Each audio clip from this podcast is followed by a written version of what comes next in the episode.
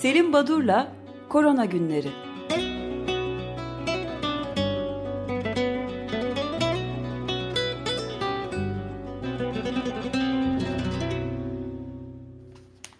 Günaydın Selim Badur, merhabalar. Günaydın, merhabalar. Günaydın. Günaydın, günaydın. günaydın.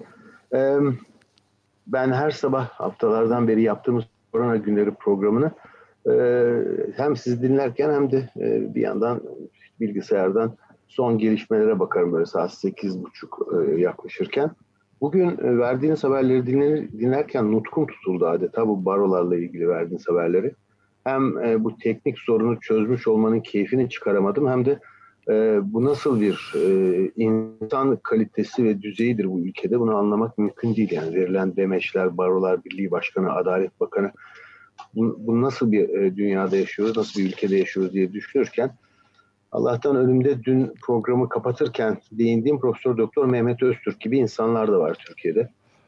Kendisinin... Ve avukatlar, baro, barodaki avukatlar da kaliteyi bir hayli yükselttiler bence ama. Ay ben de şey tabii tabii lazım. elbette evet. elbette elbette ben sadece yani şu bar, insanların yani erişkin belirli bir yaşa gelmiş insanların verdikleri demeçler, söylevleri böyle çocuksu evet.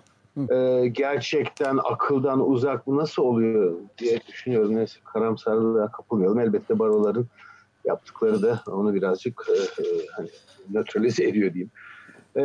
Şimdi Allah'tan Mehmet Öztürk gibi insanlar var dedi. Bilim dünyasına baktığımız zaman kendisinin ismi çok geçmiyor televizyonlarda, bu ulusal kanallarda. İzmir Biyotip, Biyotıp ve Genom Merkezi İBG müdürüdür.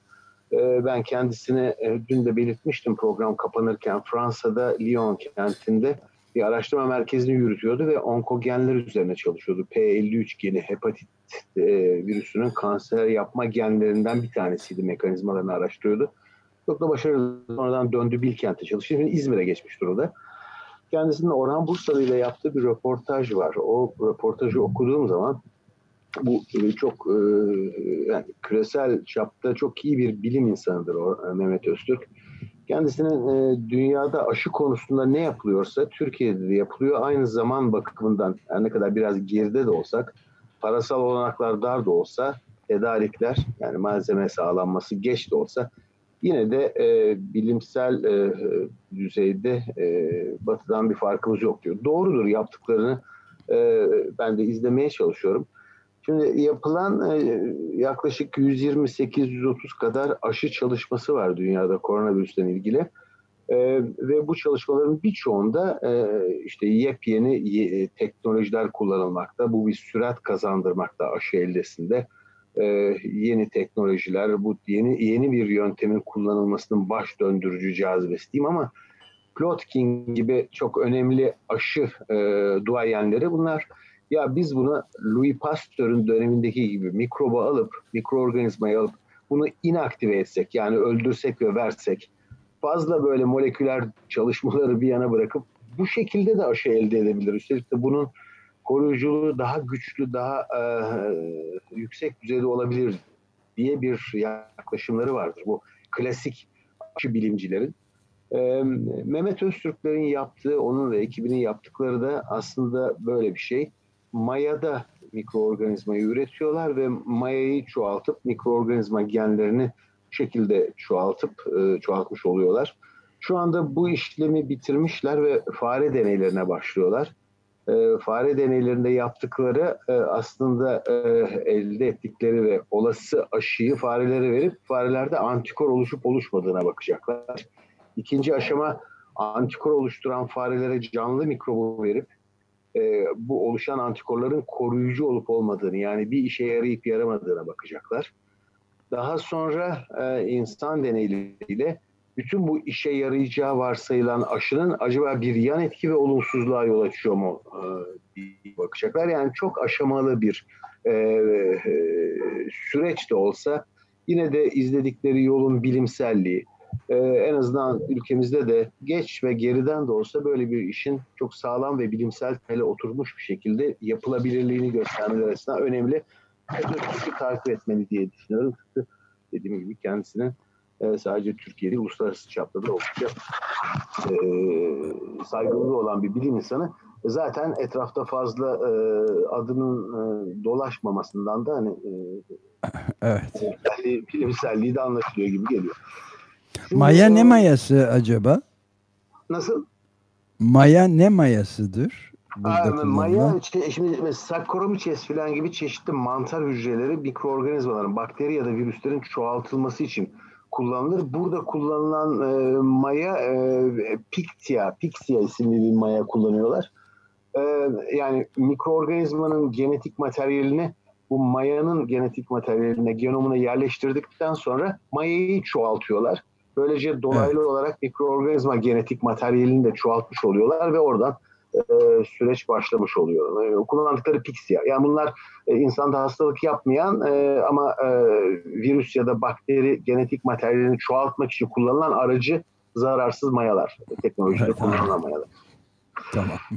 Şimdi e, e, siz tabii e, kökeni de bilirsiniz. Frank Sinatra'nın seslendirdiği My Way isimli e, parçanın e, Claude François'ın 1960'larda evet. evet, Comme isimli parçanın İngilizce versiyonunu söyler e, Frank Sinatra ama ikisinin sözleri birbirinden çok farklıdır.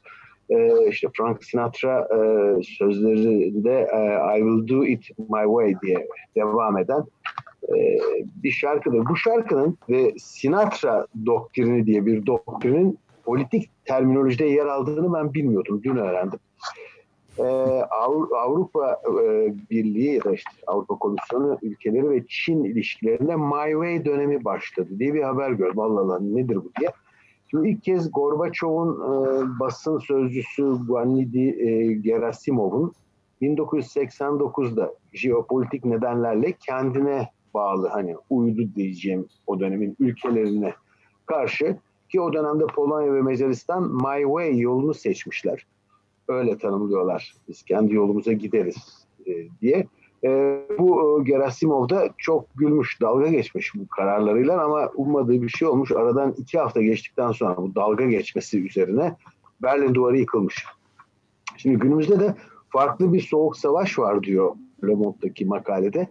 E, Amerika Birleşik Devletleri ve Sovyetler Birliği arasında değil, Amerika Birleşik Devletleri ve Çin arasında. Bu arada Avrupa Birliği ve Avrupa ülkeleri de My Way e, Sinatra doktrinini seçtiler diye böyle bir analoji yapıyor. E, My Way var bu yönteme. Çünkü biz kendi yolumuza gideriz ve Çin'le ilişkilerimizi e, sağlam ve düzgün tutarız yaklaşımı var. Özellikle bilimsel çalışmalarda ve ticarette. Bu da Avrupa toplumunun bir duruşu. Şimdi e, baktığım zaman e, tabii e, Özdeşçin'i herhalde özlemiştir Bolsonaro'yu, Brezilya'yı. Çok özledim. E, evet e, ama sana kötü bir haberim var çünkü e, Brezilya adalet sistemi sanıyorum oranın herhalde e, Anayasa Mahkemesi muadili bir kuruluşun e, başkanı hakim Renato Borelli. E, Aa evet haberim var bundan. ya bu ya işte haber atlattım sana. Bolsonaro'ya toplum karşısındaki demeçleri verirken ve konuşurken maske takmadığı için 340 euro ceza ödeme çarptırmış ve bundan sonra her seferinde alacağım o parayı demiş. Tabii evet, bu günlük olarak çarptırılmış evet. evet. Fakat bu hani gülümsetiyor ama aslında e, ilginç bir şey. E, başkan bu e, bütün süreçte hani bütün yaptıkları, söylevleri, hani bilim dışı e, yaklaşımları ama şurası biz e, gerçek ki birçok ülkede olduğu gibi e, Brezilya'da yaşananlar ve oranları siz de belirttiniz ne kadar fazla ve ne kadar dramatik bir durumda e, bu Latin Amerika ülkesi sağlamlaştırdı konumunu bu kaos ortamından yararlandığı söyleniyor. E, yani yıpranmıyor, daha da güçleniyor diye e, yazılar çıkmakta. Evet ee, şu anda bakıyorum mesela Brezilya'da 52 bini aşmış 53 evet, bine evet, doğru evet. gidiyor ölü sayısı ve 1 milyon 150 bini aşmış vaziyette vaka sayısı korkunç yani. Yani her gün bildirilen yeni vaka sayısına baktığınız zaman e, çok çok artış var. Yani bu rakamlar hep ısrarla söylüyorum ama bıkmayacağım bunu söylemekten. Ee, lütfen beni frenlemeyin. yani deyip. Ee, o olup bitenlere baktığımız zaman işte e, Türkiye'de olsun, Avrupa ülkelerinde olsun bu e, yavaş yavaş önlemlerin e, kaldırılması, e, e, kademeli de olsa çeşitli kısıtlamaların ortadan kalkması bu insanlara e, hani bu iş bitti herhalde e, düşüncesine kapılmalarına yol açacak. Ama bu böyle değil. Gittikçe e, Mart'ın sonu, Nisan ve Mayıs'ta yaşanandan daha kötü. Her gün daha e, e, şiddetli bir pandemi dalgasıyla karşı karşıyayız ve bu göz ardı ediliyor gibi geliyor bana. Bunu anlamak mümkün değil. Yani çok fazla insanın ölmesi lazım kendi ülkemizde de. Ve bütün bu yaşananlar hani şu anda olgu sayısının evet ortadan kalkmıyor. Oralarda da söylenecek çok şey var ama bütün bu yaşananlar ve e, sayıların göreceli olarak azalması Nisan ve Mayıs ayındaki o e, bir takım yasaklar, bir takım kısıtlamaların sonucunda olan gelinen noktadır. Şimdi şu anda açılan bütün kısıtlamaların ne getireceğini de biz Temmuz sonuna doğru göreceğiz e, diye düşünüyorum sonbaharda. Şimdi Evet. E, Dünya Sağlık Örgütü Başkanı da zaten aksine büyümekte olduğunu net olarak söylemiş tekrar. Tekrar evet, tekrar yani, söylüyor. Yani dünkü konuştuğumuz şey 1 milyon olguyu 3 ayda 1 e, milyon olguya çıkmıştık. Son 1 milyon olguyu 8 günde e, aştık. Evet. Korkunç bir şey yani 8 güne 3 ay. 1 milyon olgu e, kriterini e, ele alırsanız eğer. E, tabii çok doktor... test yapılıyor ama dünyada. Trump'ın dediği gibi o yüzden. Şimdi oraya gelecektim. Çünkü Doktor Fauci dün bir açıklama yaptı. Başkan bize hiçbir zaman taramaları, testleri azaltın demedi diye. Fakat e, basında hani tamam bu iş bitti artık testleri azaltın demeye başlamıştı Trump. Fauci böyle bir açıklama yapıyor. Şimdiye dek Amerika Birleşik Devletleri'nde 22 milyon test yapılmış ve sonbaharda sonbahar aylarına gelince ayda 40 ile 50 milyon test yapılması öngörülüyor. Doktor Fauci'ye göre önümüzdeki 2-3 hafta oldukça kritik Amerika açısından ama şu test yapma konusundaki Trump'ın bu e, ilginç e, demeçlerindeki çelişkileri ya da oyunları tırnak içinde belirtmek istiyorum. Çünkü önce durdurun bu testleri dedi. Sonra basın sözcüsü ve Beyaz Evin basın sözcüsü hayır şaka yaptı başkan dedi. Sonra başkan kalktı hayır basın sözcüsüne katılmıyorum ben şaka yapmadım dedi. Şimdi ben basın, şaka basın toplantısında dedi. hayır şaka yapmadım dedi evet. Ve şaka yapmam ben demiş. Evet Fauci başkan bize hiçbir zaman testleri azaltın demedi dedi. Ve düşünebiliyor musunuz böyle bir düzeysizlik, böyle bir tartışma ve biz de bunu konuşuyoruz şu anda. Yani başka konuşacak konumuz kalmamış gibi ne garip bir dönem yaşıyoruz. Ne Hemen bir, bir politika son açıklamasını da e, duyurayım size. Arizona'da bu Meksika duvarı ile ilgili konuşmuş. Dünyanın en güçlü duvarı Covid-19'u durdurdu. Her şeyi durdurdu demiş Trump. Evet yani evet yani gülelim mi ağlayalım mı? garip bir dönem değil mi yani? Evet evet çok çok evet, yani, yani çok sınırları patladı e, JAMA dergisinde, e, JAMA dergisinin e, şef editörü e, Doktor Howard Boschner, Anthony Fauci ile ilgili bir e, ile bir röportaj yaptı e, aşılar konusunda. E, şu anda e, NIH yani National Institute for Health ki Fauci oranın bir dönem başkanı şimdi e, önde gelen e, öğretim üyelerinden bir tanesi e, aşı çalışmalarında e, 30 bin gönüllü ile ilk e, faz 1 çalışmalarına başlandı.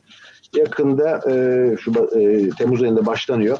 E, daha sonra da ikinci aşamaya geçeceğiz dedi. Bu demektir ki fare deneylerinden ya da hayvan deneylerinden bazen fare dışında hamster ya da e, gelincikte kullanılabiliyor.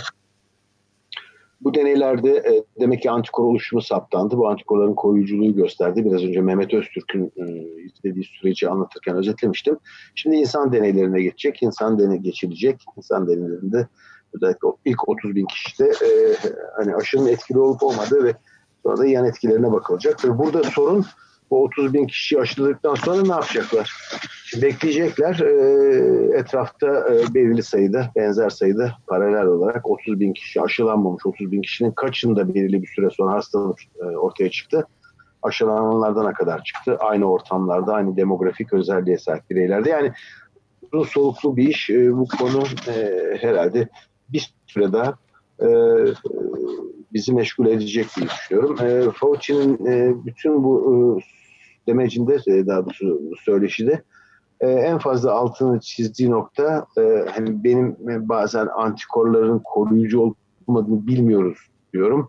E, tabii bunu çeşitli çalışmaların, bilimsel verilerin e, sonuçlarına dayanarak söylemekteyim. E, Anthony Fauci pek bunun altını çizmemiş. E, o konuda sanki çok fazla kaygılı değil gibi ama o da oluşan antikorların e, süresinden e, endişeli. E, çünkü e, eğer e, kısa süreli olursa ki benzer virüslerin oluşturduğu antikorların kalıcılığı e, hiç de uzun değildi. O zaman belki de kısa sürelerle bu aşının belki de grip aşısı gibi her yıl yapılması gerekecek bir aşıya dönüşebilir. Öyle bir aşı gündeme gelebilir. Bu eve kapanmalar konusunda ya da hastalıkla ilgili olarak nasıl e, yoksul ve belirli e, kesimlerin daha duyarlı, daha kırılgan olan kesimlerin e, en çok zarar görenler olduğunu söylemiştim. Sadece hastalıkla ilgili değil bu kısıtlamalar ve eve kapanma, e, işe gitmeme konusunda da e, dün bir yazı çıktı e, Lancet dergisinde Alexander Broadbent isimli bir araştırıcı ve arkadaşları nereden diye bakıyorum? Güney Afrika'daki e, King's College'den.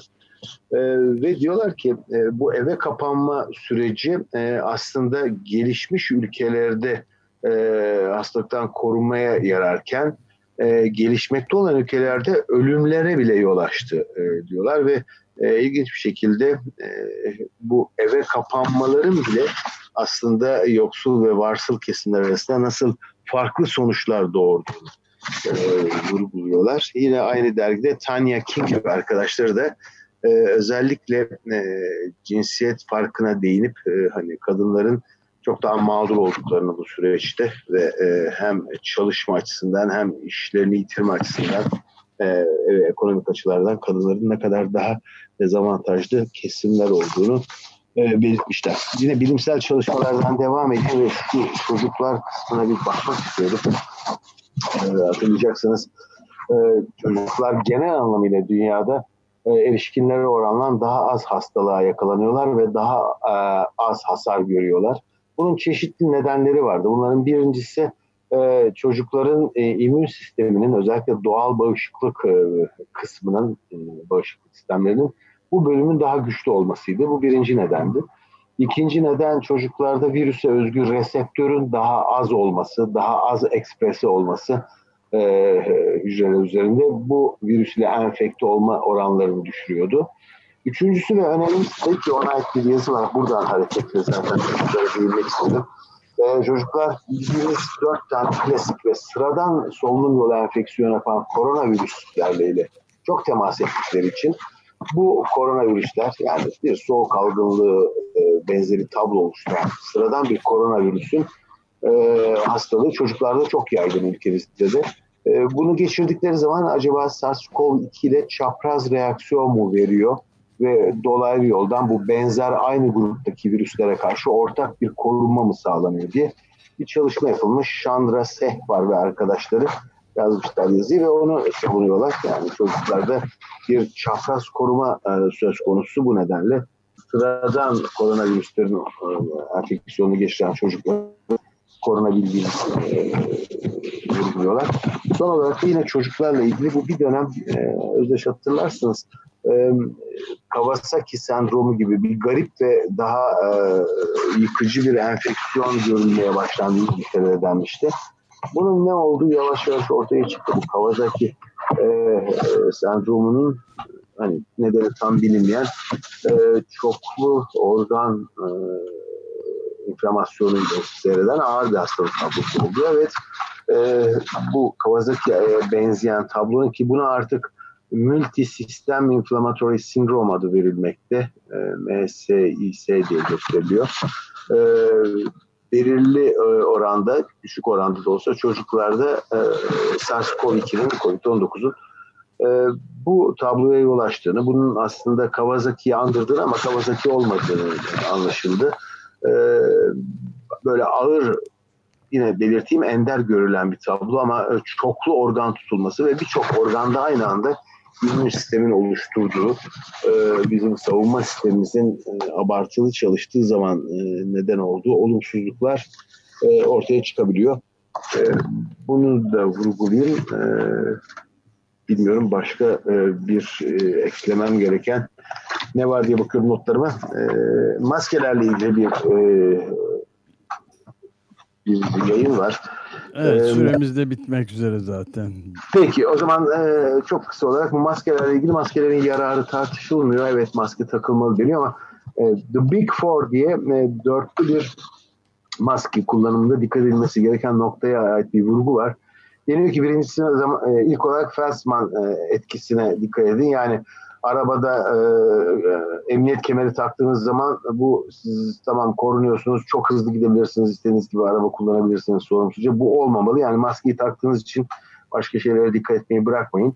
İkincisi e, maskeleri doğru kullanmak lazım. Çünkü e, ıslanmış nemli ya da tekrar tekrar kullanan maskeler size daha fazla hasta edecektir diyor. E, yüze dokunmayı engelleyecektir diyor maske buna unutmayın ve e, özellikle de İngiltere'de yapılan çalışmada eğer herkes maske takarsa e, bir belirli bir sürede 42 bin ton e, plastik madde e, atığı olacakmış. Buna da evet. dikkat edelim diyor. Burada maskelerin olumsuzluğu. Şimdilik bu kadar ya, devam edelim.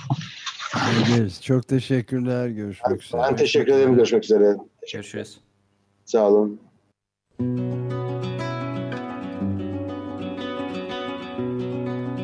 Selim Badur'la Korona Günleri.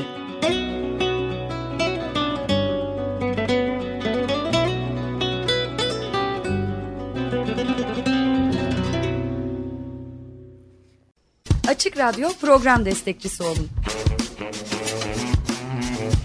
Bir veya daha fazla programa destek olmak için 212 alan koduyla 343 41 41